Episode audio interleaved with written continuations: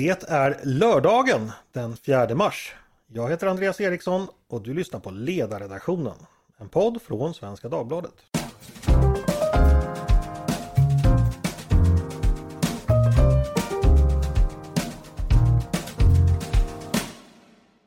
Varmt välkomna till oss!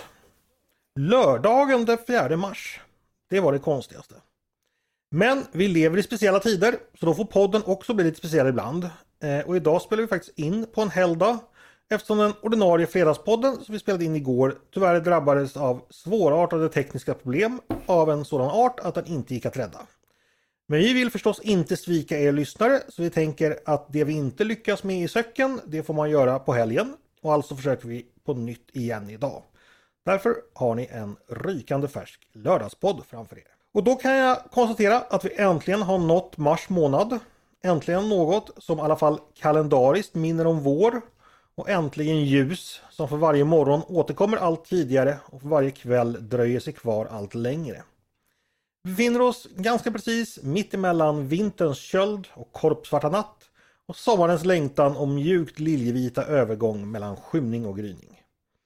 Och kanske är det så att vi svenskar trivs som allra bäst där i den absoluta brytningen när himlen med Per Hagmans färgskala blir babyblå och rodnande när fimbulvinterns mörker och Vitikrists glödgade Armageddon väger precis lika. Snart, helt snart, kommer de där kvällarna då man kan låta Yamaha-snurran puttra igång bakom sig, smyga ut ur viken, dra på lite mer gas mellan kobbarna och sätta kurs rakt ut i havet, rakt in i solnedgångens skinande gata mot horisonten. Och bortom den, vem vet vad som väntar?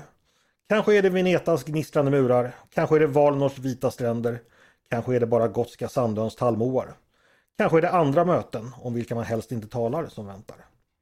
Detta kommer sinom tid få sina svar i en sommar som nu är fjärran obestämd, vars öden är lika begravd i kvantskummet som välmåendet för Schrödingers katt eller den Snowden som föll i fjol.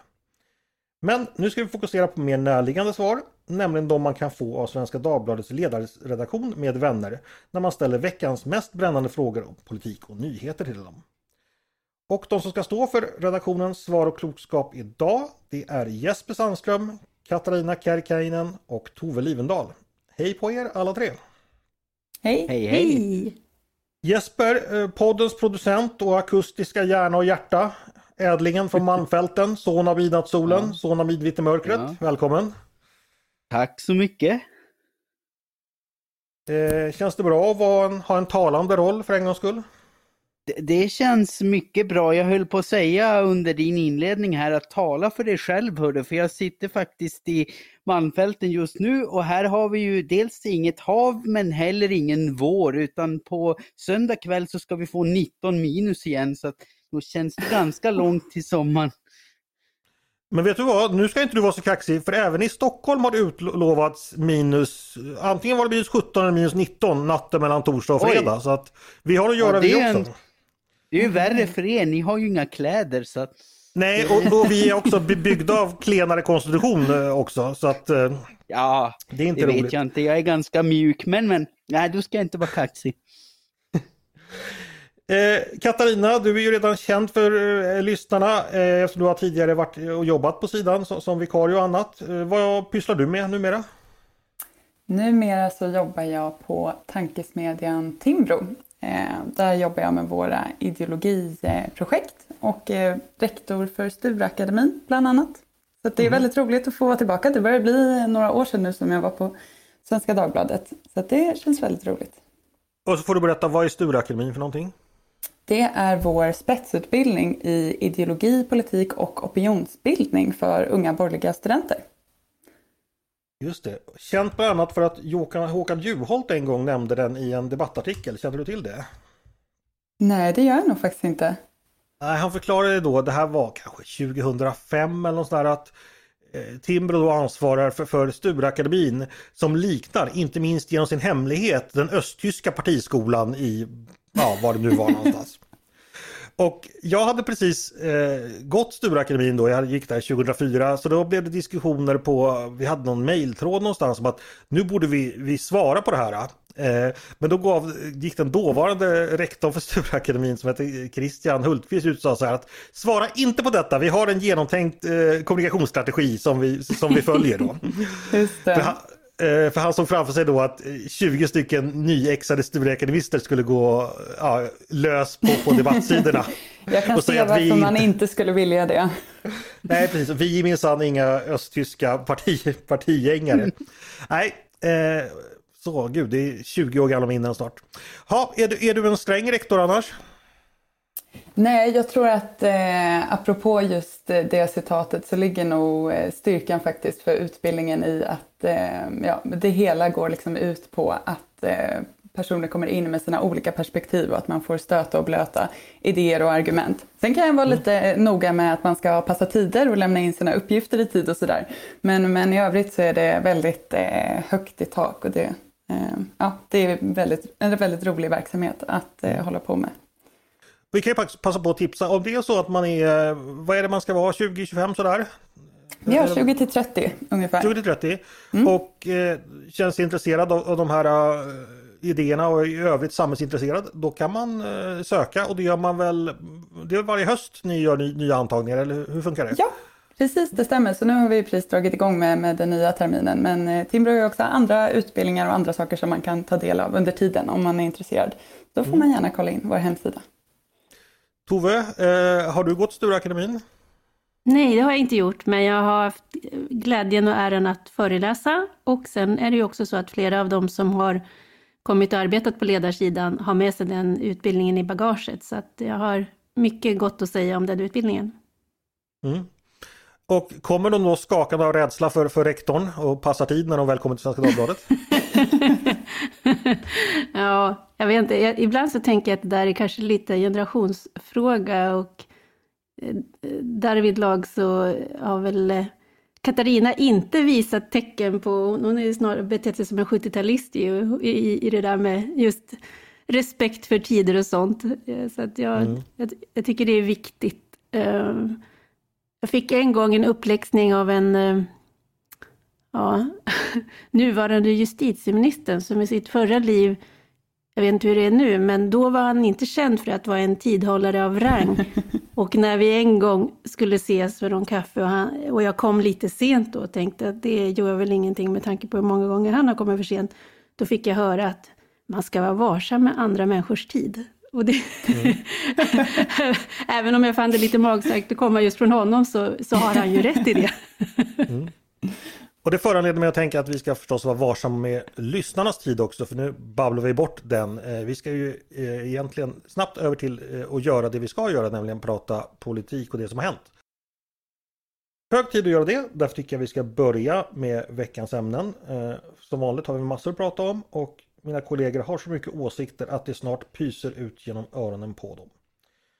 Eh, jag tycker vi ska börja med en av veckans eh, riktigt stora händelser som jag tror de flesta inte bara hört talas om utan också engagerats av, upprörts av. Eh, nämligen domen i hovrätten där en man friades från eh, våldtäkt mot barn eftersom eh, domarna inte tyckte det var riktigt tydligt vad ordet snippa avsåg eh, när den åt, eh, åtalade enligt målsäganden som var en tioårig flicka stoppat in sina fingrar i just hennes snippa. Eh, det här har gått många djupt till sinnes. Eh, och, ja, ni vet ju vad som har hänt. Domarna fick då konsultera en ordbok och där fann att snippa avser de yttre könsdelarna och då skulle också flickans berättelse tolkas i enlighet med detta och då hade en våldtäkt inte ägt rum. Eh, Tove, du skrev ju redan eh, förra helgen om detta. Eh, vad, vad skrev du då helt enkelt? Mm, jag skrev att det här är en dom som undergräver tilltron till rättsväsendet, både i utfall och i form. Och, in, och inte, alltså, in, hela processen så att säga, har väldigt mycket frågetecken. Dels är det ju så att domen i sig är ologiskt skriven, precis som SVDs juridiska kommentator Mårten Schultz har påpekat. Att eh, man skriver i, dom, i, i domen så använder man själv ordet snippa eh, så som eh, Svenska Akademins ordlista benämner det, nämligen som ett ord för kvinnans könsorgan, vilket har varit fastslaget sedan 2015. Och sen så tar man då upp det här som du nämnde, att flickan själv eller de som har lyssnat på flickans berättelse, de har då inte tydliggjort vad de menar med användningen av ordet snippa. Så det, det, är en jättemärkligt skriven dom och så, så kan det inte gå till. Sen är det ju också själva utfallet att både tingsrätten och hovrätten har funnit det liksom, utan tvekan och bevisat att ett sexuellt övergrepp har ägt rum. Och det här är jätteviktigt att man är noga med det därför att det finns ju förfärliga exempel på där människor har dömts oskyldigt och det får ju absolut inte hända heller. Men här har båda instanserna inte haft någon anledning att se att, annat än att man har funnit det styrkt, den här flickans berättelse. Och att då slut, det som har blivit effekten nu av hovrättens dom, det är att mannen går fri. Därför att åklagaren mm. hade dragit tillbaka ett yrkande om sexuellt ofredande och då var det bara våldtäktsgrunden som prövades. Och i och med att den, eh, de friade honom från den så går han då helt fri, trots att det är fastlagt att han har begått ett sexuellt övergrepp. Mm. Jag tänker så här, ofta när man eh, medier ibland skriver om, om domar så här och det blir en debatt så, så när man själv går till domen och läser den så tänker man att ah, det var väl inte riktigt så där illa som det framställdes. Men, men den här gången kände jag att det, det faktiskt var så. Eh, Katarina, du har också läst domen och läst om detta. Vad, vad, vad har du för tankar?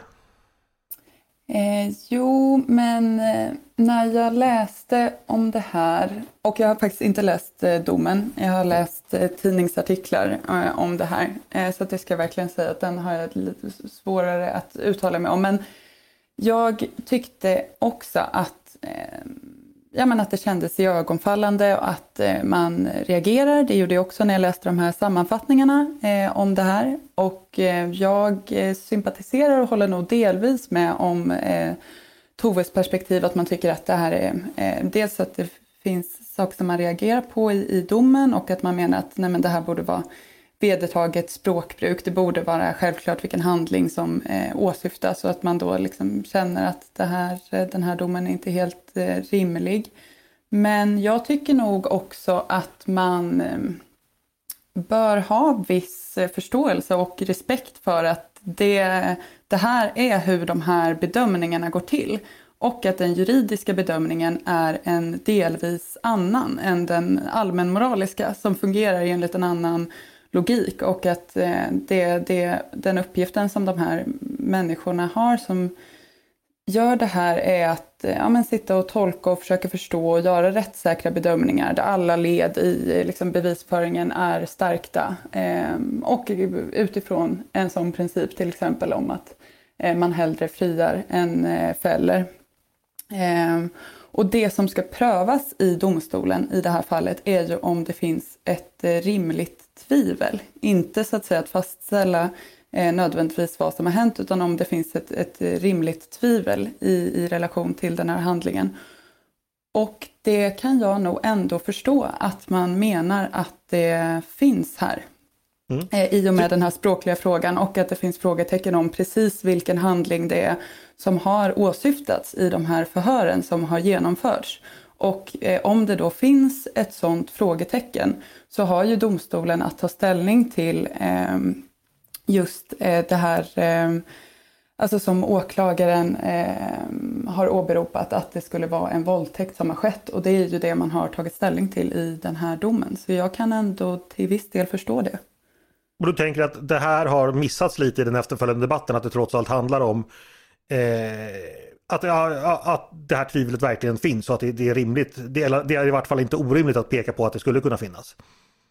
Ja, jag kan, jag kan utifrån den, alltså det, det låter ju som när man gör de här återgivningarna och, och med, liksom berättar att de har hänvisat till Svensk ordbok och där finns det, det låter som hårklyverier. Men följden av det och att man så att säga inte vet om det handlar om eh, de inre eller yttre delarna till exempel, det påverkar ju brottsrubriceringen och det som mm. domstolen har haft att ta ställning till är huruvida en våldtäkt har skett. Och jag kan förstå utifrån det eh, resonemanget att man kan mena att det finns ett rimligt tvivel helt enkelt.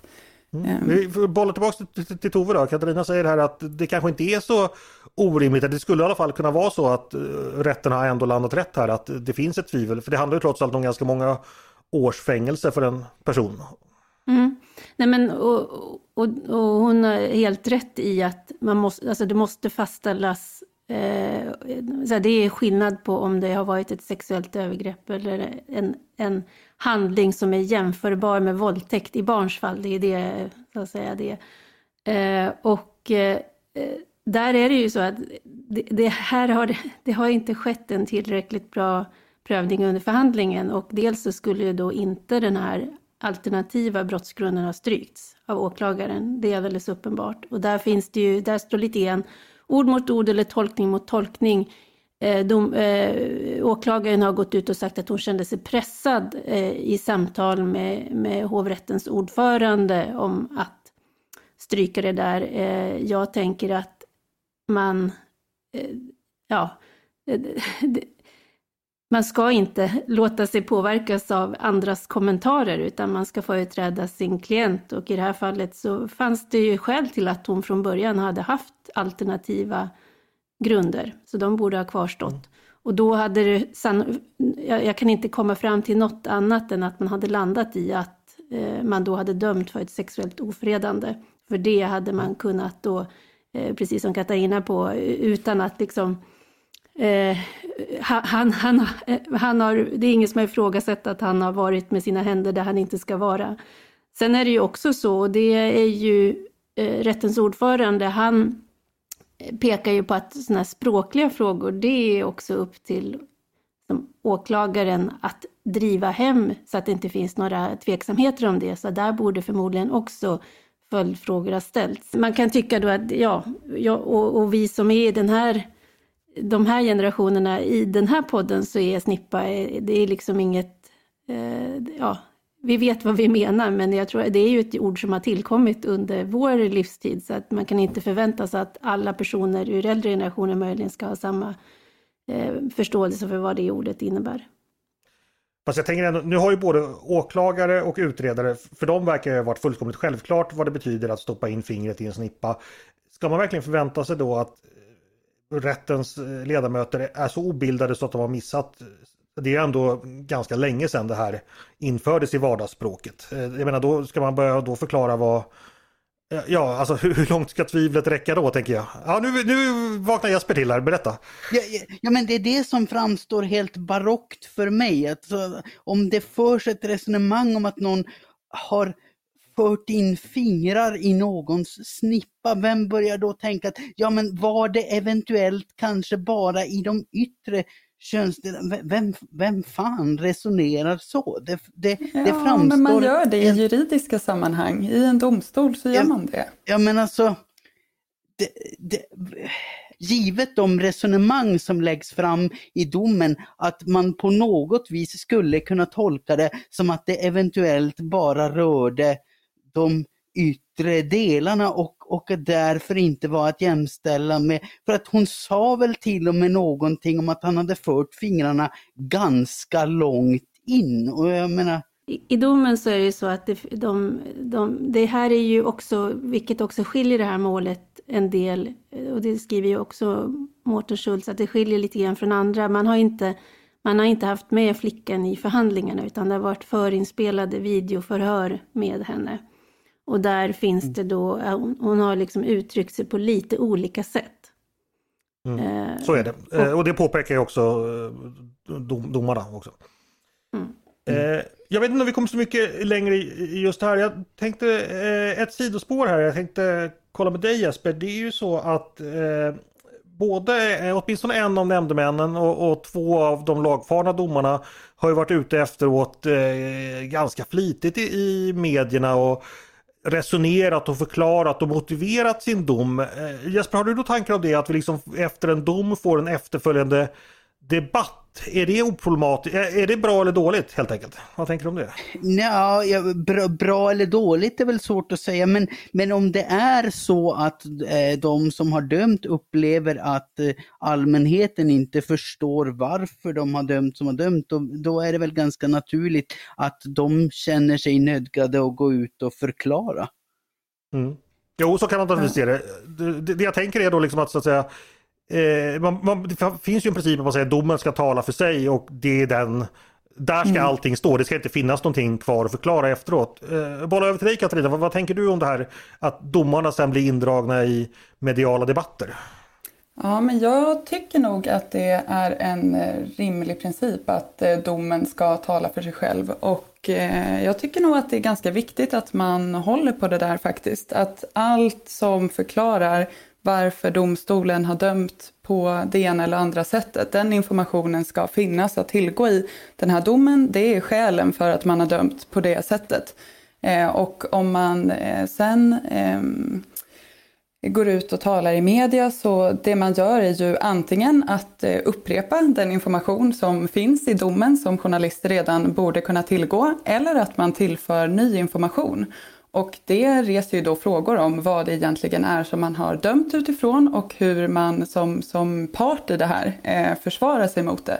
Så att jag mm. tycker nog att det där är en lite eh, olustig utveckling faktiskt, att man pratar mer med, med media som som domare eller som parter i en sån här... Eh, det blir ju ytterligare, i, det blir en ytterligare rättskälla tänker jag. Alltså, debatten efteråt, vad har domarna sagt? Vad, vad sparar de så att säga till att använda på debattplats? Eh, vid sidan av liksom, doktrinen och praxis och så vidare det är klart att om det är så att man tillför ny information och, och liksom resonerar på ett annat sätt än man har resonerat i domen. Man kan väl tycka att nej, journalister borde ha kunnat lä läsa domen och förklara det som står där i. Men samtidigt, det som dyker upp mellan mig och Katarina här skillnaden mellan den juridiska förståelsen och liksom den, den allmänspråkliga förståelsen av saker och ting. Det kan ju vara sånt som allmänheten är betjänt av att en, en jurist kommer ut och förklarar i, i högre grad, som de kanske inte hade kunnat ta till sig lika lätt av att bara själva läsa domen eller få den refererad av en journalist som i sig inte har någon juridisk expertis nödvändigtvis. Mm. Mm. Jag tycker kanske att det mer faller tillbaka på journalistiken i så fall och vad man kan liksom vänta sig för allmän eh, kunskap om, om de processerna om man eh, skriver och återger de här. Spring, is that you? Warmer temps mean new Albert styles. Meet the new Superlight collection, the lightest ever shoes from Allbirds, now in fresh colors. These must have travel shoes have a lighter than air feel and barely there fit that made them the most packable shoes ever. Plus, they're comfy right out of the box. That means more comfort and less baggage. Experience how Allbirds is redefining comfort. Visit allbirds.com and use code SUPER24 for a free pair of socks with a purchase of $48 or more. That's A-L-L-B-I-R-D-S.com, code SUPER24. Hörrni, eh, ytterligare en delikat aspekt på det här, det är ju då att de två nämndemännen, alltså lekmannadomarna som, som var inblandade här, de har avsagt sig uppdraget och de gjorde det under ganska intressanta former. Det var nämligen så att de, hade, de är båda socialdemokrater och de hade ett möte med partiets distriktsordförande i staden. Ett samtal som beskrivits som, som coachning tror, tror jag ordet var och därefter så, så avsade de sig. Vi har ju talat oss varmt kring självständiga domstolar, att politiker ska inte ha åsikter om domare ens. Här har vi då alltså enligt uppgifter två politiskt tillsatta domare som helt enkelt som det ser ut lämnar sin post efter att partiet varit inblandad på, på, på något sätt. Eh, Tove, vad, vad, vad, tänker du om den aspekten? Eh, hur, hur, smakar den biten av historien så att säga? Ja, jag har precis skrivit 4000 tecken som är under publicering just nu om detta. Och det är, för mig så är det här, alltså dels är det ytterligare en helt Eh, hårresande aspekt på det här fallet. Men det är också, för mig så blir det ytterligare ett bevis på att nämndemannasystemet borde skrotas i Sverige. Därför att det i sin uppbyggnad, eftersom man, de allra flesta som blir nämndemän har partifärg, eller blir utsedda av partier, så finns det en inneboende motsättning mot att vi ska ha politiskt oberoende domstolar. Eftersom man bygger in mm. en partikoppling direkt. Och här blir det så uppenbart att partiboken väger tyngre än lagboken. Eh, och att det, det så att säga är en... Eh, ja, man skulle kunna tänka sig här att partiet hade sagt, och det jag, jag tycker DNs journalist ställer väldigt bra frågor i intervjun till partiordföranden i Göteborg och den här första ombudsmannen som är de två som då har kallat till det här mötet med nämndemännen och som då resulterade i att man med omedelbar verkan avsade sig det här uppdraget på ett kollegieblockspapper inskickat mm. med ett försättsblad från partiombudsmannen. Eh, och dels så frågar hon, du, du förstår väl att det här liksom, ja, jag känner, känner liksom vinet av en partipiska här. Och det, mm. det blir sådär, svaren blir ju nästan parodiska, att oh, det har bara handlat om medlemsvård och stöd och, och sådär. eh, och, eh, så, så det blir en... Eh, men, men det, är, det är uppenbart att förstå Socialdemokraterna. Här ser de liksom en potentiell, otroligt svår medial sak att hantera. Det här är en dom som inte har allmänhetens stöd. Det är, folk är förbannade och upprörda. Och eh, sen var en tidsfråga då, nu har det då kommit fram att de två nämndemän som har varit med och dömt här har då socialdemokratisk partikoppling. Och det är ju PR, PR-mässigt så är det inte bra. Men man skulle då kunna tänka sig att stödet skulle ha stå, varit att stå, stå fast vid sina nämndemän och säga att de har ett uppdrag som de ska utföra. Vi har utsett dem för att vi tycker att de är personer som kan klara det. Vi delar inte vi tycker inte att den här domen blev bra, men det är inte någonting som vi som parti ska ha någonting, någon synpunkter på, utan de ska utföra sitt uppdrag enligt bästa förmåga, för det är det systemet vi har i Sverige. Det hade varit att stå upp för rättsstaten. Nu står de upp för sitt partis, eh, om, eh, så här, eh, partiets rykte istället och det är verkligen eh, sorgligt tycker jag. Och det visar varför nämndemannasystemet bör avskaffas. Och problemet med medlemsvård medelst partipiska kanske också. Eh, Katarina och Jesper, vad, vad, tänker ni om just den här aspekten? Katarina först, drar du samma slutsats som Tove här? Ja, men det gör jag. Och eh, jag tycker verkligen att det, det påvisar det här problemet. Och kanske att det också eh, liksom kastar ljus på det här eh, det är liksom skilda bedömningar. Eh, hur man gör den juridiska bedömningen utifrån det bevismaterial som finns i en domstol och hur vi gör den liksom allmänna moraliska bedömningen. Och här tycker man uppenbart, man kan tycka antingen att de här nämndemännen har eh, gjort rätt eller fel men sen så blir det ett, ett tryck eh, utifrån och partiet har då ett intresse av att eh, liksom avpolitera de här två personerna från sina, sina roller som nämndemän och då blir ju i förlängningen konsekvensen att eh, den allmänna opinionen som kan ha rätt men som också kan ha fel i de här bedömningarna eh, avgör vilka personer som, som ska sitta på de här posterna och inte. Och i kombination med att man, som jag tycker att i delar i alla fall, att den här debatten har eh, liksom påvisat att det, det, kan finnas svårigheter med att förstå vad som är nämndemännens och juristdomarnas roll och vad som är åklagarens roll. Det, det gör det, det liksom adderar eh, någonting mer när det dessutom är så att det faktiskt är åklagarens roll att eh, föra eh, bevisning i alla de olika frågorna, även den liksom, språkliga frågan. Och att man hade kunnat göra det genom att komplettera förundersökningen med ytterligare förhör eller konsultera Ja, egentligen så finns det ju inga liksom, formella hinder för det utan liksom, språkvetare eller en barnpedagog eller liksom, tala om eh, den här frågan på, på olika sätt. Men då låter man den, den, den processen eh, liksom gå som det gör och de här domarna och nämndemännen dömer utifrån principen om huruvida det kan finnas något rimligt tvivel. Och sen när allmänheten, rätteligen eller inte, blir upprörd på det här i efterhand så får de avgå. Det tycker jag att det är inte ett eh, sunt system för eh, juridiken. Och Jesper slutligen, slut, slutligen, hörde du också vinet av partipiskan här? Eh, ja, och jag kan bara instämma i föregående talare. Det visar med all önskvärd tydlighet varför nämndemannasystemet är djupt olämpligt. Mm, Okej. Okay. Då får vi se till att avskaffa det. Eh, så länge så ska vi gå vidare och då ska vi prata lite om Centerpartiet. Ett parti som vi och även andra medier älskar att diskutera eh, eftersom de är ute på en så intressant politisk resa. Nu har man ju en ny partiledare som heter Muharrem Demirok som man jobbar hårt med att lansera i offentligheten. I onsdags var han med i Aftonbladet och igår var han med i Dagens Nyheter, eh, stora intervjuer båda två. Och i DN talar han om vad han menar då är Centerpartiets oförtjänt nyliberala image och han säger så här. Eh, det är klart att vi haft en sån stämpel på oss och vi har inte ansträngt oss tillräckligt för att tvätta bort den stämpeln. Som parti måste vi röra oss i en mer socialliberal riktning. Jag tänkte börja med dig här Jesper. Lite svårt att veta hur jag ska börja för det är så mycket här. Eh, fråga 1. Har Centern en nyliberal stämpel? 2. är den orättvist. Tre, har man försökt tvätta bort den. Fyra, har man lyckats. Oj, det du var mycket var att ta du- in. Nej, du får väl börja ungefär.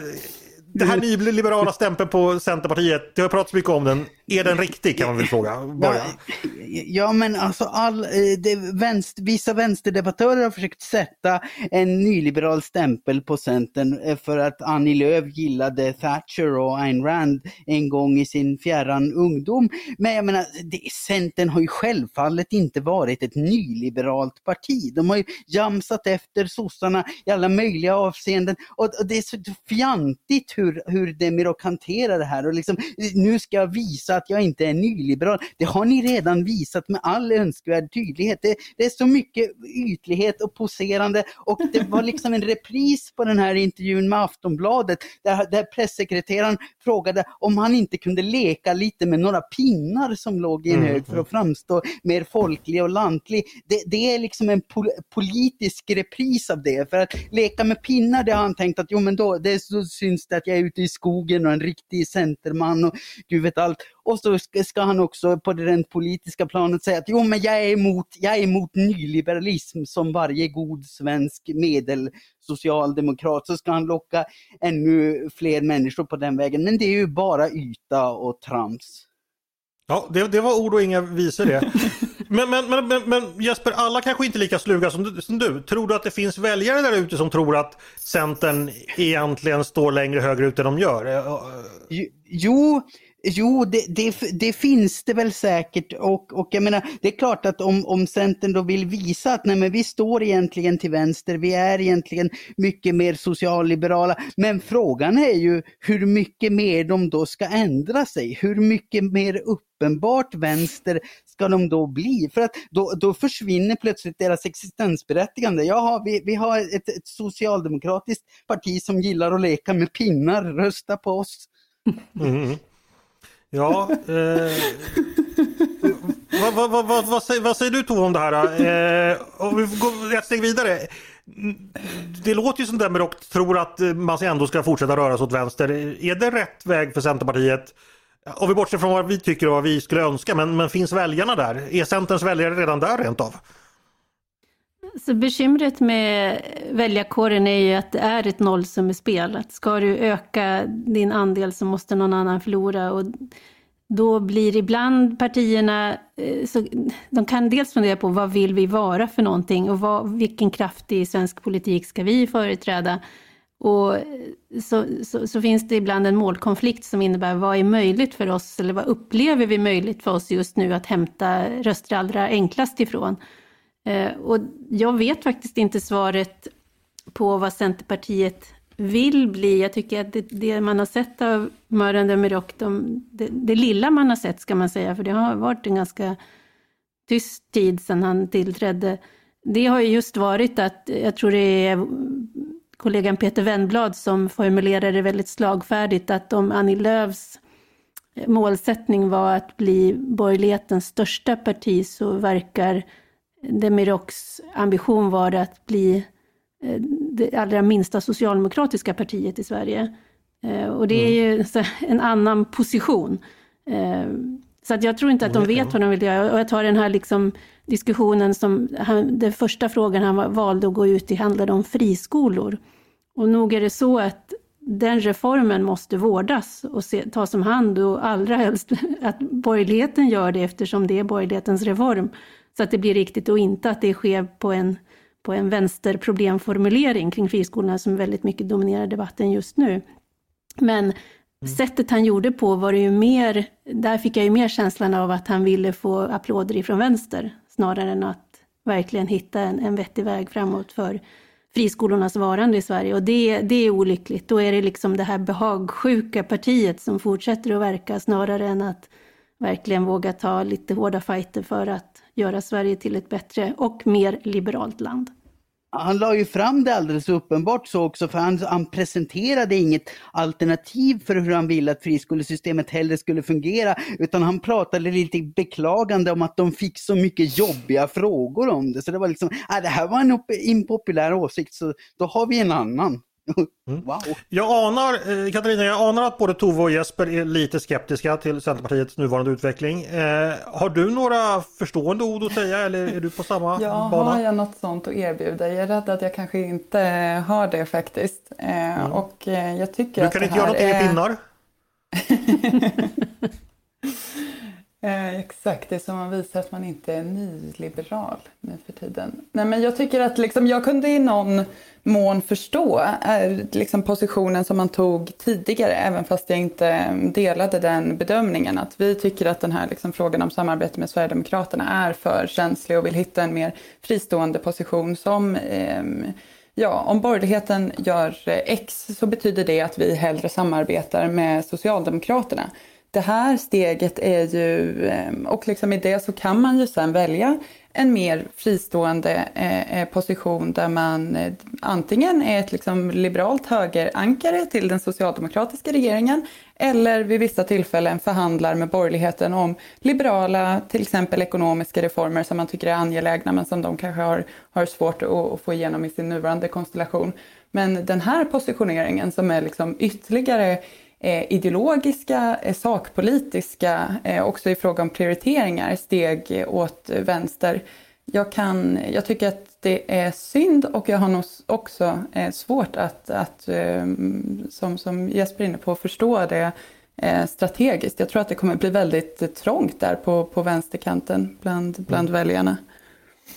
Jag tänker på de här pinnarna eh, Jesper, det kan inte vara så att han skulle kunna tillverka en slagruta av dem för att dels då eh, ja, anknyta till liksom det gamla bondesverige men också söka liksom efter, jag vet inte, eh, nya väljarkårer, nya väljargrupper eller söka efter den breda mitten eller något sånt. Vad, vad, vad tror du om det? Det hade väl också varit gångbart för även slagrutor är ju rent hittepå. Men, nej, men alltså det blir mm. verkligen så eh, som Katarina säger, var, var, ska man hämta, var ska man hämta väljare ifrån? För vad, vad är Demiroks USP? Om man har Magdalena Andersson som ändå är ganska karismatisk, pragmatisk, kan luta sig lite kort åt höger om det behövs. Eh, men, så, så står man då i valet mellan henne och en eh, påfallande ytlig lekfarbror som verkar byta åsikt baserad på ren bekvämlighet. Varför skulle man hellre välja Demirok och Centerpartiet? Jag får inte ihop den analysen. Jag fattar inte vem man har tänkt sig att locka. Nu måste jag ställa en motfråga här Jesper. Du tror ändå inte att det finns liberalt, borgerligt sinnade mittenmänniskor som är lika övertygade som Centerpartiet är om Sverigedemokraternas farlighet, obehaglighet och så vidare Eh, Eh, men ändå inte vill eh, betrakta sig som vänster eller socialdemokrater. Att det ändå finns en grupp som, den behöver inte vara stor men den kan väl ändå finnas? Jo, jo men alltså den kan finnas. Men om Demirok då vill demonstrera att alltså, anstränga sig ännu mer för att tvätta bort den i, eh, inom citationstecken nyliberala stämpeln. Men då har de ändå gått så pass långt åt vänster så då hade nog de, de mer vänsterlutande liberalt sinnade människorna i, i mitt liv, de resonerade nog som så att nej men då får det bli eh, Magdalena för den där tomten går ju inte att rösta på. Mm. Ja, så kan det vara. Eh, Tove, vill du sy ihop detta ämne? Hur kommer det här gå för Centerpartiet? Ja, alltså svaret på hur många som finns är väl just nu 4,3 procent tror jag. Det var den senaste mätningen. Mm. Så det, det, Och det är bättre än 3,9. Det är och av dem är det fortfarande det är... bland Centerpartiets väljare en majoritet som själv identifierar sig som mer höger än vänster. Så att, att de ska mm. attraheras mm. av att man mer betonar rättvisa, solidaritet, accepterar Socialdemokraternas problemformulering. Det är svårt att förstå. Jag hoppas ju nu att det finns någon så här påpasslig eh, partikommunikatör som med lite självdistans nu tar fram en slagruta med Centerpartiets logga på och med texten på jakt efter den breda mitten. Eh, jag tänker också på någonting som fanns när jag var med scouterna. Jag vet att de ställer ibland, det är en väderpinne som man täljer och sätter fast på, på första så kan man se på jag förstår, jag har i och för sig aldrig förstått idén med det för att när det är regnigt då ska den här väderpinnen sloka och när det är soligt så ska det liksom pinnen stå rätt upp av glädje. Och jag har aldrig förstått varför man inte tittar upp i himlen istället för just att titta på sin pinne. Men, men mm. just nu så har vi ju haft samma, vad ska man säga, svårighet att definiera Centerpartiets roll så väderpinnen kanske också är en bra illustration till, till eh, läget för för partiet just nu.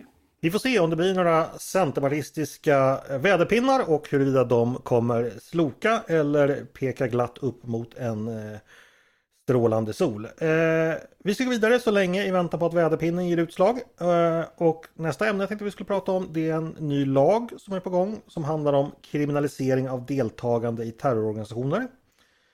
Eh, det är en lag då som eh, har varit på gång ganska länge. Eh, den förra socialdemokratiska regeringen försökte först med ett förslag som, som inte gick, riktigt gick hem och sen gick man och utredde igen och det här nya förslaget har nu varit hos lagrådet. Och lagrådet eh, kom i onsdags med sitt svar på det och det var tummen ner kan man säga. Eh, lagrådet var kritiskt av olika orsaker. Eh, så här skriver man bland annat i sin sammanfattning. Lagrådets sammanfattande bedömning av det framlagda förslaget är att det finns en tydlig risk för att det kommer innebära en alltför långtgående kriminalisering sett till behov som kan finnas. Sett till det behov som kan finnas. Det är också tveksamt om det uppfyller de krav på tydlighet som måste ställas på strafflagstiftning. Slutsatsen blir att förslaget inte i nuvarande skick bör läggas som grund för lagstiftning. Eh, och en anledning till att, eller ett resonemang man för i det här svaret är ju också då att Eh, man pratar om historiska sammanhang och finner då att exempelvis stöd till FNL under Vietnamkriget eller till befrielserörelser i södra Afrika, exempelvis ANC. De, sånt hade kunnat falla under det nya lagförslaget och det skulle helt enkelt bli straffbart. Och det är ju skäl till betänksamhet, eh, kanske särskilt om man som lagrådsjurister eh, är uppväxta på 70 och 80-talet. Men regeringen har inte låtit sig avskräckas. Man säger att förslaget ska bli lag och att en proposition kommer att läggas och meningen är att den nya lagen ska vara på plats redan den 1 juni. Tänkte, vad tänker vi då om detta? Kriminalisering av delaktighet i terroristorganisationer alltså. Eh, ska vi börja med dig Tove? Eh, här finns ju uppenbarligen eh, ah, målkonflikter och problem. Vad, vad tänker du att regeringen gör klokast i att göra? Jag tänker att regeringen gör klokast i att göra om och göra rätt eh, och försöka skriva det här på ett sätt som gör att lagrådet inte kan anföra den sortens svidande kritik som man har gjort. Eh, vi hade tillräckligt med det under den förra regeringen. Eh, lagar mm. som drevs igenom där lagrådet förklarade att det här, är liksom, det här håller inte. Och Sverige blir ju inte ett bättre land av att vi trycker igenom otydlig lagstiftning. Så det, det tycker jag. sen mm. finns ju den här dimensionen av, av, av relationen med Turkiet, men eh, så att säga, vi kan inte, det är inget skäl för att vi, inte, för att vi ska skriva dåliga lagar. Mm. Precis, för det här är ju då en pusselbit i, i då hur Sverige så att säga, anpassar sig till det avtal som vi och Finland har skrivit med Turkiet förra året. Eh, vänder mig till dig Katarina, vad tänker du om det här? Tror du också att regeringen är ute eh, på fel väg här eller vad, vad drar du för slutsatser? Ja, alltså jag tycker att eh, man förstår ju verkligen vilka situationer man vill komma åt med det här och, och, och den strävan är inte svår att eh, sympatisera med. Och även om man bara tänker på det ur ett eh, liksom principiellt perspektiv så Eh, Eh, alltså sådana handlingar som vi kategoriserar som terrorbrott eh, ser ju, betraktar ju hela, hela samhället som eh, synnerligen eh, klandervärda, väldigt liksom, straffvärda med detta. Och eh, utifrån det då, eh, om man en individ inte begår de handlingarna eh, utan i liksom, sympati för saken underlättar organisationer som ägnar sig åt de här eh, terrorbrotten underlätta deras eh, verksamhet på något sätt, ja då är ju det också eh, de handlingarna får ju till följd att det blir eh, lättare att eh, uträtta sådana här eh, brott. Eh, det är liksom inte svårt att... Eh, de, de, det tycker jag verkligen att man, de bör straffas. Eh, och eh, jag tycker också att den här invändningen om att eh, jo, men vissa organisationer som vi idag inte betraktar som klandervärda utifrån eh, liksom sitt syfte, men som vi tidigare skulle ha beskrivit som terrororganisationer, om man då sympatiserar eller underlättar för dem på något sätt, då gör det ju att individer som vi inte tycker är klandervärda skulle straffas enligt den här eh, den här nya brottsrubriceringen. Men då är ju problemet att de inte borde ha betraktats som terrororganisationer eller åtminstone inte att, eller att syftet skulle ha betraktats som liksom rättmätigt. Då är ju det problemet, inte att man också straffar dem som underlättar verksamheten så att säga.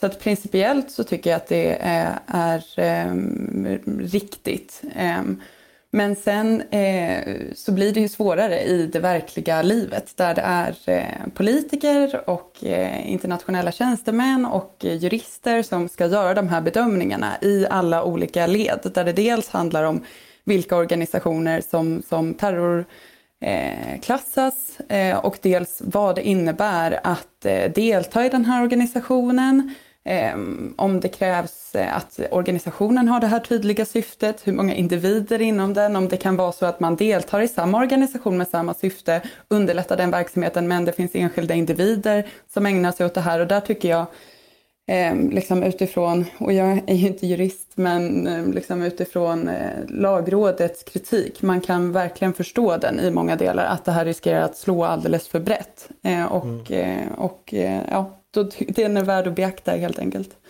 Ja, jag, ska säga, jag har bara läst lagrådets kritik faktiskt. Jag har inte läst eh, det, det, lagförslaget och hur man argumenterat där. Eh, men det är väl uppenbarligen, här bor ju djävulen såklart i detaljerna. Vi släpper in Jesper, har du några tankar kring den här avvägningen? Nej, men som alltid med sån här lagstiftning, alltså jag tycker man ska akta sig för att så att säga stifta lagar för dagar med fint väder. Därför att det är som att när man, man resonerar om sånt här som kan spilla över i fel saker så ursäktar man sig med att nej, men nu har vi ju rimliga människor som alltid kommer att göra rimliga bedömningar. Och samma sak om man föreslår exempelvis utökad eh, övervakning i terrorbekämpningssyfte så tänker man att jo, men så, så länge vi har rimliga människor som som rår över de här lagarna. Jo, men vi måste också ha lite eh, sömsmån liksom, i, ifall någon lite mindre rimlig människa råkar få de här lagarna i sina händer och kan använda dem till frihetsinskränkningar de aldrig var tänkta till från början. Mm. Mm.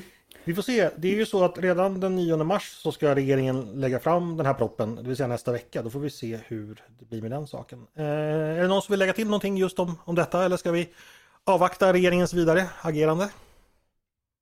Nej, men den kritiken som, som Jesper eh, framför nu på slutet är ju särskilt eh, relevant också utifrån att den eh, säkerhetsventil som man har tagit fram är ju det här, för, den här försvarlighetsbegränsningen. Alltså apropå vilka, eh, vilka organisationer som skulle kunna bli föremål för det här eller inte. Alltså att man eh, man skulle kunna inte bli straffad för de här gärningarna med hänsyn till om det med hänsyn till omständigheterna är försvarliga handlingar. Ehm, och det ehm, kan man ju instämma i som lagrådet skriver att det är väldigt vanskligt att göra en sån bedömning om det inte finns tydligt stöd i lagtext eller tydliga motivuttalanden, vilket jag antar att de då menar att det inte finns tillräckligt.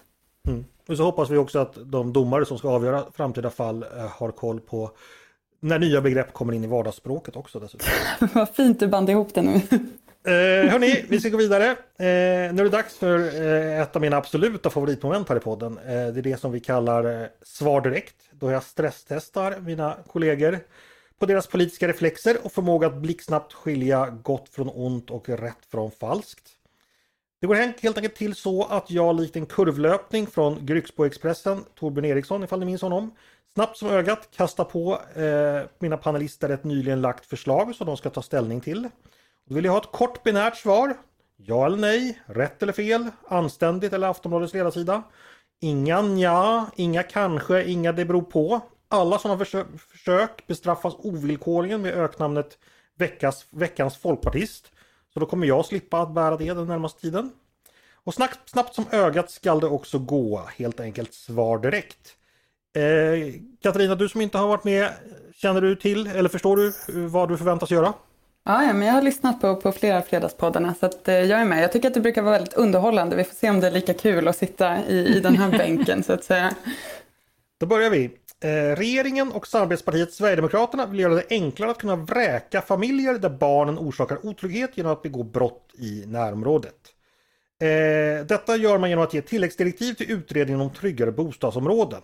Eh, det som hittills föreslagit att lägenhetsinnehavare ska ha ett ansvar för inneboende, för inneboende men nu så föreslås att de här skärpta reglerna utökas till att även gälla hyresgästens barn som begår brott, vilket alltså då kan leda till vräkning.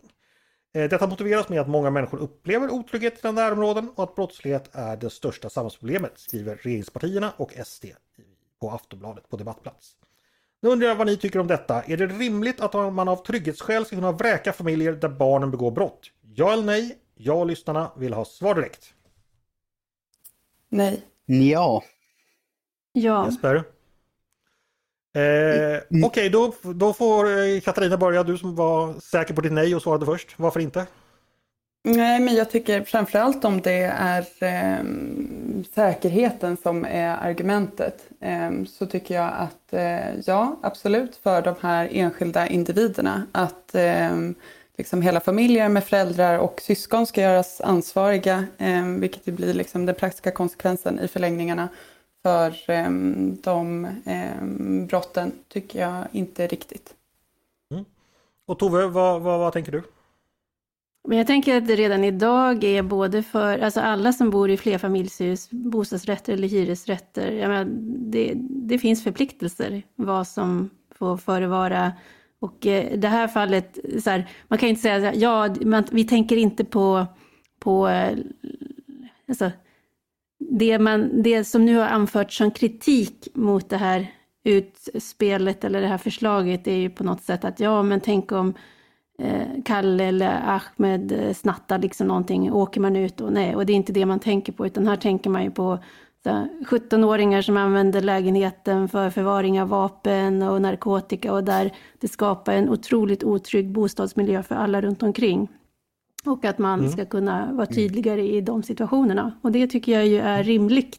Okej, eh, Jesper du får inte motivera ditt nja för att nja talar för sig själv. ja. Okej. Okay. Eh, hörni, vi fortsätter. Eh, att ändra juridiskt kön bör vara en enkel administrativ process som utgår från individens självbestämmande utan någon form av medicinsk prövning av könsidentiteten. Det skriver en rad organisationer, bland annat RFSL och Amnesty på Expressens debattsida. Eh, de uppmanar att eh, regeringen att göra en ändring då som att, eh, att ändring av juridisk kön ska kunna ske genom en enkel skatt, ansökan om Skatteverket utan föregående utredning helt enkelt. Eh, vad tycker ni om detta? Bör man själv få välja juridiskt kön utan att myndigheterna ska utreda en först? Eh, ja eller nej? Jag och lyssnarna vill ha svar direkt. Mm, nej. Nej. Nej. Nej. Jesper, då får du motivera ditt, ditt nej. Nej men så, det, det, egentligen så säger jag ett ja här men jag blev så rädd för folkpartistutmärkelsen. jag, jag maskade mig lite. Nej, men, nej, men alltså, jag, jag, förstår syftet att man vill göra det enklare men samtidigt så tänker jag att blir det allt för enkelt så skulle folk kunna använda det för att liksom komma undan. Eller till exempel som, som av vissa sådana här antitransaktivister att eh, eh, män med tvivelaktiga sexuella eh, övertygelser hade försökt mygla sig in bland kvinnor i kraft av sitt rent juridiska kön. Kan man förhindra sånt så är jag för att det, det är så enkelt som möjligt eh, för de som behöver det. Men, men det måste finnas ett, ett tydligt skydd mot det också, att, att illvilliga typer exploaterar systemet. Mm. Eh, ni andra höll med om nejet. Vill ni lägga till någonting i vad Jesper sa? Eh, det var jag tänker på det här, alltså myndigheter, uppdragen kan ju se olika ut och det var ett, ju ett fall, inte i Sverige, men någon annanstans där en eh, biologiskt född man ville Eh, ville sitta av sitt fängelsestraff som kvinna därför att han bestämde att han kände sig som en kvinna och det fick han göra och i fängelset våldtog han en annan kvinna. Eh, mm. Så att det, det, finns liksom effekter av detta som behöver funderas igenom. Mm, Okej, okay. då tar vi nästa. Eh, och då är det så att regeringen vill satsa större resurser på återvandring. Det vill säga att personer som är uppehåll i Sverige ska förmås att återvända till landet de kommer ifrån. Återvandring har varit ett styrmodigt behandlat område i svensk politik och Migrationsverket har inte fokuserat på det. Där vill vi se ett skifte, säger migrationsminister Maria Malmer Stenegard. Eh, bland annat föreslås betydligt mer pengar till den som vill återvandra. Idag kan man få resekostnaderna betalda upp till ett visst belopp samt ett kontantbidrag på 40 000 kronor. Vad tycker då vår panel om detta? Bör Sverige med pengar eller andra incitament försöka få fler människor att lämna landet? Ja eller nej? Jag och lyssnarna vill ha svar direkt. Nej, men jag protesterar mot hur du formulerade frågan. Ja, det får vi ta senare. Ni andra? Jag, jag säger Det beror på. Ja. Katarina? Ja, men jag, jag, jag har inte nödvändigtvis någonting eh, principiellt emot det som föreslås nu, men jag tror att det är betydligt svårare än vad man tror. Mm. Jesper, vad, vad var det för lurt på frågan tänker du? Nej men exakt, Eh, Katarina har r- rätt. Det är svårare än man tror att det ska vara. Och du sa pengar eller andra incitament. Andra incitament kan jag vara för att det ska minska bidrag eller dylikt. Så, att det inte, så att det är mer attraktivt att flytta hem än att liksom leva på svenska skattebetalare i all oändlighet. Men börjar man höja de direkta cash in hand incitamenten liksom, då tror jag att det kan bli lite som när man börjar erbjuda avgångsvederlag eh, på ett företag för att bli av med folk. Att det kanske de, de egentligen de allra mest kompetenta som drar för att de tycker att ja, men, ja, men det, är, det är schysst att kunna komma hem nu liksom om det har lugnat ner sig i hemlandet. Dessutom få en rejäl summa pengar för det. Medan de som har rotat sig kanske både i Sverige och i svenskt bidragsberoende, för dem är det inte alls lika kul att, att eh, åka hem igen så, så de kommer heller inte nappa på ökade cash-incitament. För även om de blir ganska stora så kan de ju vara ganska små jämfört med att vara kvar i Sverige och vara, vara försörjd av skattebetalarna. Mm. Jag säger det att det man sneglar åt här, det är ju Danmark. Eh, för där, ha, där är det mycket mer pengar man kan få. Där kan man då få, tror det är flera hundratusen danska kronor man kan få och där är det också mellan 300 och 500 personer varje år som väljer den här lösningen. I, i Sverige är det väldigt ovanligt. Det, jag tror någon tidning sammanställde att det var det är kanske ett dussin fall, fall om året så att säga. Eh, Katarina, vill du säga någonting om eh, hur du tänker i det här fallet? Um, nej men jag, jag har, ser samma eh, eh, risker som, som eh, Jesper identifierar och jag tror att man, eh, liksom, eh, så som alla andra eh, system i Sverige ser ut idag för personer som skulle kunna vara aktuella för det här så om man tror att en liksom, engångscheck kan kompensera för det så, så är det svårt.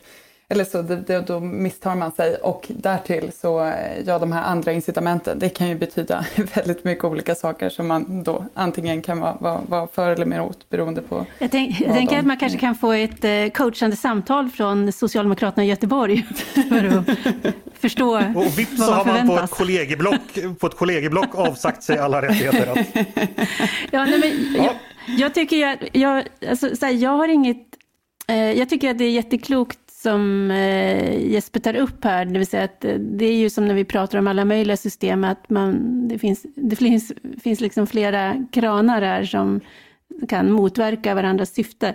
Men jag har inget principiellt emot att man hjälper personer som vill återvandra till sina länder med ett ordentligt stöd. Jag kan se det som nästan en del av biståndspolitiken om det handlar om att personer som har flytt från sitt land och sen vill återvända för att bygga upp det Eh, så tycker jag att det är bra att Sverige kan hjälpa till ordentligt och då kan ju, då, så här, har man då kanske dessutom inte rotat sig så väl i Sverige, lever i ett utanförskap här, eh, Ja, det är kanske det där bidraget, men det är liksom ingen, man ser inga utsikter att bygga en ordentlig framtid här.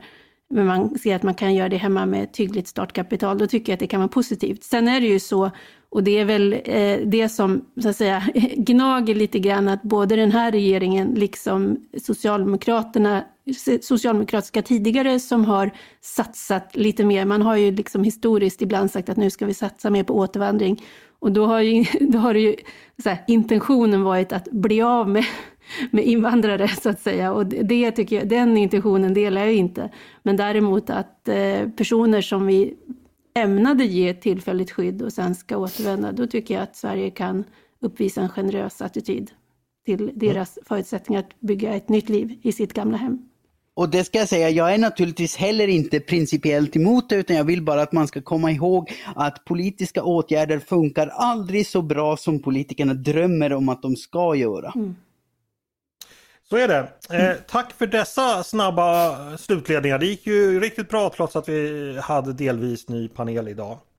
Jag vill Eh, anmäla att jag har ändrat mig i eh, Alltså- den första frågan eftersom jag har snabb eh, läst på om det här förslaget nu och förstått att det som Tove var inne på innebär att man idag har liksom inte lika långtgående tillsynsansvar för sina barn som man har för andra personer som man låter bo i sin lägenhet. Och då, mm. Då, eh, det verkar ju inte vara en rimlig ordning. Det är också kanske folkpartistiskt, men det kan visa på problemet med att svara så här snabbt också. Man hinner inte tänka, tänka igenom. Så kan det gå. Eh, det är kanske lite poängen också att vi vill få det ofiltrerat. Eh, men är man folkpartist kan man naturligtvis sabotera den processen och den avsikten genom att läsa på. Eh, hörni, vi ska gå vidare. Eh, och det är, då kommer vi till ett område där man absolut inte får läsa på. Eh, för att fuskar man så, så kölhalas man. För det har ju blivit dags för mitt stora favoritmoment. Det vi kallar Är du smartare än en ledarskribent? Och eh, ni som lyssnar känner säkert till det här väl eh, vid den här tiden men för nytillkomna lyssnare och även för delvis nytillkomna deltagare ska jag kort förklara vad det går ut på. Det handlar om en väldigt lättsam frågesport där jag testar eh, panelisterna på några eventuellt underhållande frågor som lika eventuellt kan ha någonting att göra med dagens diskussion. Eh, och ni som lyssnar eh, kan också vara med och leka. Och är det så att ni svarar snabbare och framförallt rättare än vad Jesper, Katarina och Tove gör, då är ni helt enkelt smartare än just dessa ledarskribenter och denna eh, rektor för Stureakademin. Och då tycker jag att ni ska ta och fira det ordentligt ikväll när ni tittar på Mello. Eh, reglerna kan ni, man svarar genom att säga sitt namn. Vill man chansa innan jag läst färdigt frågan så får man det, men då slutar jag läsa och då riskerar man dessutom minuspoäng.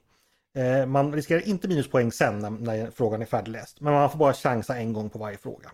Och vinnaren får en veckas evig ära. Är det okej okay med alla? Ja. ja. Då drar vi igång. Eh, det är ju då sagt lördag den 4 mars. Jag tänkte vi skulle uppmärksamma några av dagens jubilarer.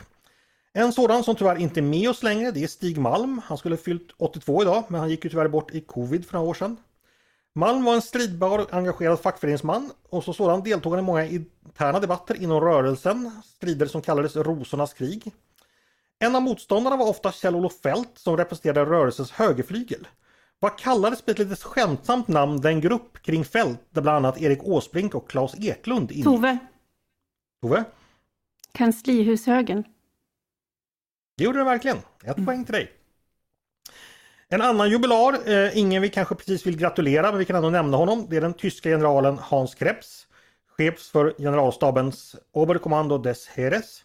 Han är född den 4 mars 1898. Hans Krebs namn förekommer i en väldigt berömd filmreplik som inleds så här. Es bleiben im Raum. Keitel, Jodel, Krebs und Borgdorf. Repliken har också använts i otaliga parodier. Vad heter filmen? Jesper? Jesper? Undergången. Ja, det är den. Det är ont i Och vem är det som säger så? Den som uttalar repliken här i början är Hitler. Ja, och vad säger han sen då? Eh, Eller säger, sen börjar han skrika. Precis, han börjar skrika och bryter pennan och eh, ser lite allmänt besvärad ut. Das war ein Befehl! Der Angriff war ein Befehl! Wer sind Sie, dass Sie mir gegen meinen Befehl zu widersetzen? So weit ist soll also gekommen. Das Militär hat mir gelogen. Jeder hat mir gelogen. Sogar die SS. Die gesamte Generalität ist nicht als ein Haufen niederträglichster, treulose Feiglinge. Nicht als Feiglinge, Verräter, Versager. Vilken obehaglig stämning det blev i lördagspodden. Tänk om man hade hoppat in precis här och undrat vad som hänt ja, det är väldigt synd att ni inte kan se Andreas för han gjorde ett fantastiskt Hitler-framförande och skrek dessutom på det där Hitler-karaktäristiska sättet så det blir lite distorsion i mikrofonen. Och därför måste jag mm. berätta en kul historia från min ungdom bara för att det var en kompis... För att lätta upp stämningen lite? Ja, ja, precis. Men fortfarande på temat Hitler. Han, han brukade ta den här plasten som sitter på, på cigarettpaket och spänna över fingrarna och sen stå och skrika på låtsas tyska, för det lät väldigt mycket som Hitler i en gammal radio. Och så mm. gjorde han det då eh, i skolkorridoren en gång och, så, och han kunde ju ingen tyska, han hade aldrig läst tyska. Eh, och så kommer våran tyska tysklärarinna och knackar honom på axeln och säger Ja Simon, du har mycket bra uttal. Så att, ja, då kan det gå. Andreas, du lyckades till och med bara... få fladder i luggen. Precis. Det, det jag missade var ju att jag med, med Parkinson-darrande fingrar först skulle ha tagit av mina, mina glasögon. Men, men ja, det missade jag. Ja, det var misstänkt, eh, mi- misstänkt god Hitler-imitation där alltså. Eh, ja. Hörni, vi fortsätter. Då har Jesper ett poäng och Tove också ett poäng. Eh, dagens tredje jubilar, en annan känd ledare av en trevligare snitt, det är Tommy Svensson, förbundskapten för bronslaget 1994. Hans pappa Stig är förknippad med ett svenskt fotbollslag som han tog från eh, division 3 till SM-guld inte mindre än fyra gånger. Vad heter det laget? Alltså Stig, laget som Stig Svensson är förknippat med. Här är jag återigen ledsen att ni inte ser oss för att alla utom Andreas sitter med mycket plågade miner. Eh, po- politiken Vi kan ju inte köra sådana här frågor när inte Mattias Svensson är med.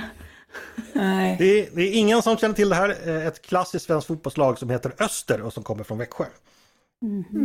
Eh, vi fortsätter. Vi har, jag är lite hes märker jag. Jag undrar hur Hitler orkade hålla på och skrika sådär hela tiden. eh, vi har pratat terrorism idag, terrorismlagstiftning. Så nu undrar jag vad ni kan om några kända terrordåd. Eh, Den 15 april 1986 genomförde USA en flygräd mot Libyen. Eh, Detta var ett svar på ett terrordåd som hade begåtts tio dagar tidigare. Där eh, bland annat Jesper, två- Jesper? Lockerby-bombningen?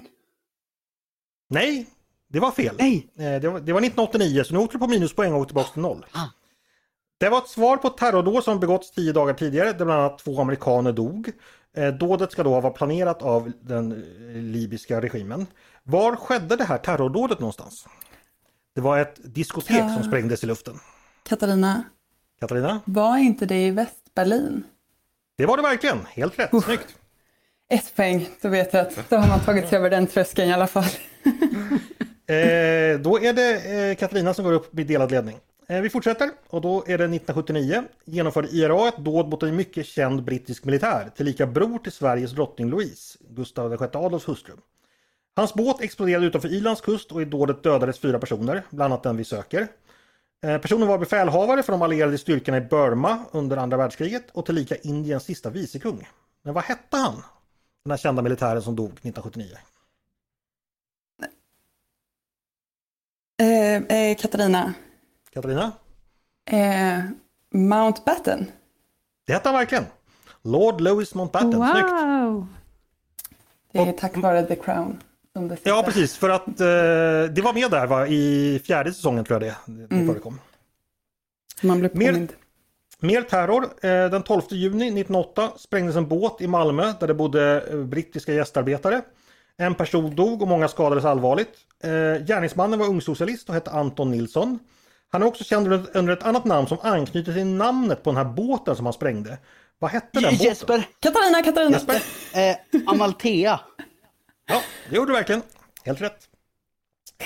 Snyggt. Eh, Ett poäng till dig, ett poäng till Tove och två till Katarina. Vi ska gå vidare. Eh, Vi har ju idag diskuterat en uppmärksammad dom.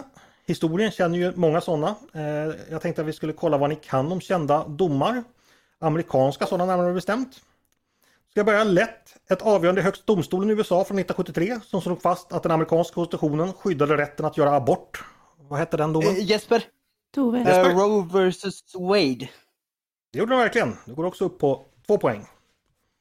En till dom från USAs högsta domstol från 1966 som innebär att en person som grips i USA behöver känna till sina rättigheter, att ha en advokat närvarande samt att man förstår att allt som sägs kan komma att användas emot den i en senare rättegång. Från vilket rättsfall kommer de här, eller slogs de här rättigheterna fast? Eh, Jesper, eh, Jesper? och här får jag kanske inte riktigt rätt. Men jag vet att det, eh, Miranda var en komponent eftersom de kallas för Miranda rights. Ja, och det får du helt rätt för. Det är Miranda vs. State of Arizona. Men eh, det var snyggt att du kunde det, så det, den, den poängen får du.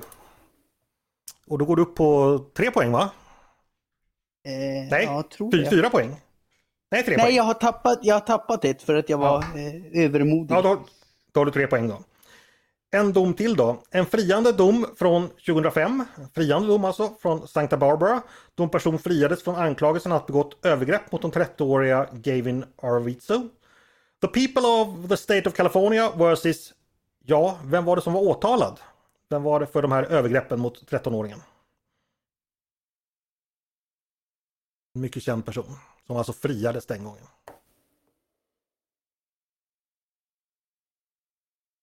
Ingen som vill chansa?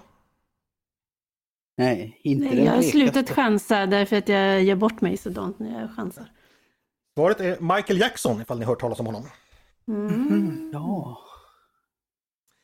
Hörrni, eh, snippa som jag pratade om mycket idag, det är ett ganska nytt ord. Eh, där hovrätten inte var riktigt uppdaterad. Nu ska jag testa era kunskaper om nyord och inte vilka nyord som helst utan gamla nyord. Eh, jag har helt enkelt utgått från den här nyordslistan som kom från Språkrådet varje år och kollar ifall ni ja, kan dem. Och då tänkte jag börja med ett ord som var ett nyord år 2013 och som betyder söka upp unga på nätet för att kunna ge stöd. Eh, eh, Jesper, Yes, Jesper? nätvandra.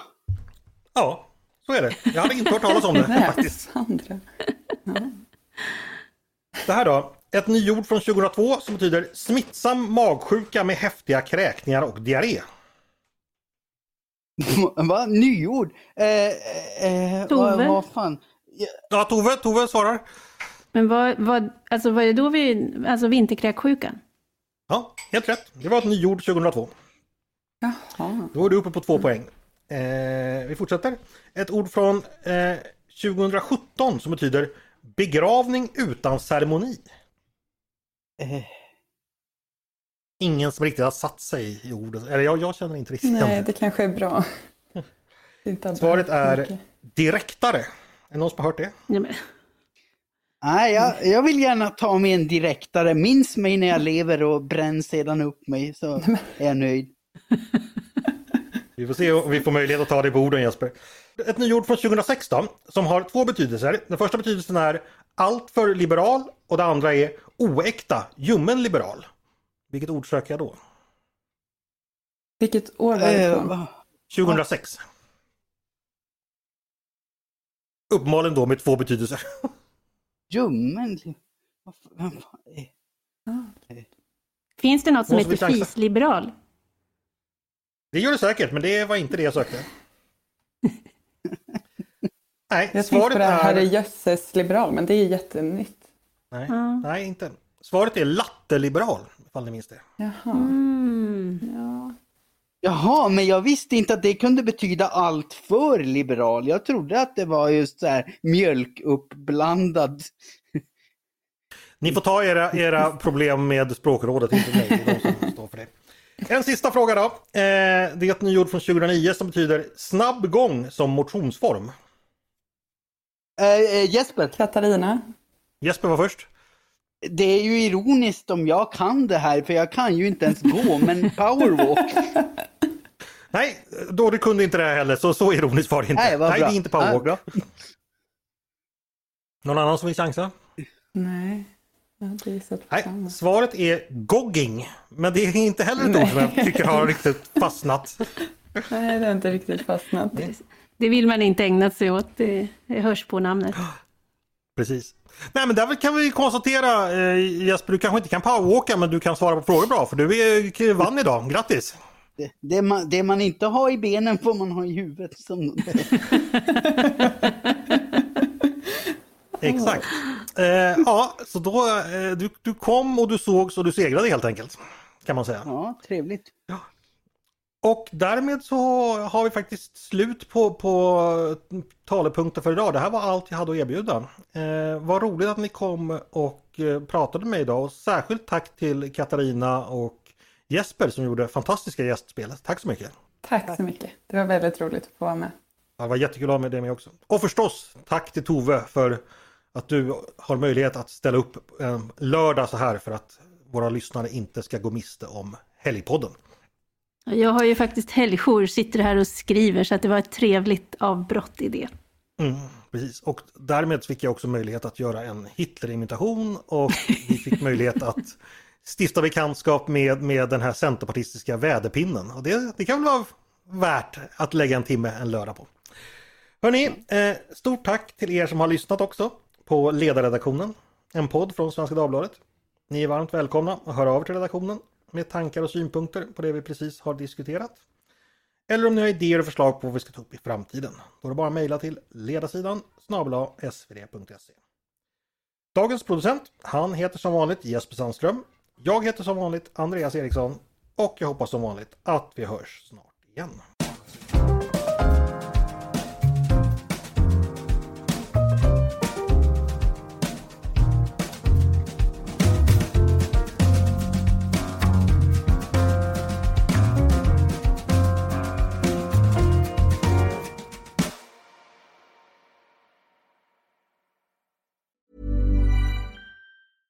When your skin feels nourished and glows, you radiate confidence. Osea makes giving your skin a glow up easy with their clean, clinically proven Mega Moisture Duo. This seaweed powered duo features two of Osea's best sellers, Undaria Algae Body Oil and Undaria Collagen Body Lotion. Glow from the inside out. Get 10% off your first order with code GLOW at OseaMalibu.com. That's O S E A Malibu.com code GLOW.